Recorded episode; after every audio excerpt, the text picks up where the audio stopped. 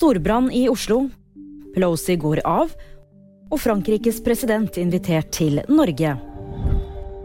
Det brant kraftig i et rekkehus på Bøler i Oslo torsdag ettermiddag.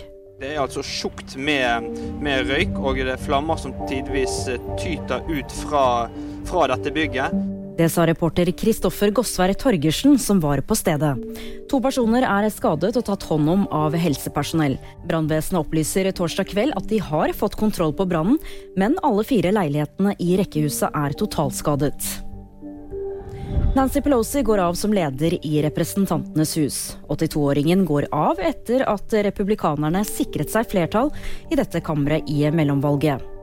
Og republikaneren Kevin McCarthy ligger an til å bli ny speaker, ifølge amerikanske medier.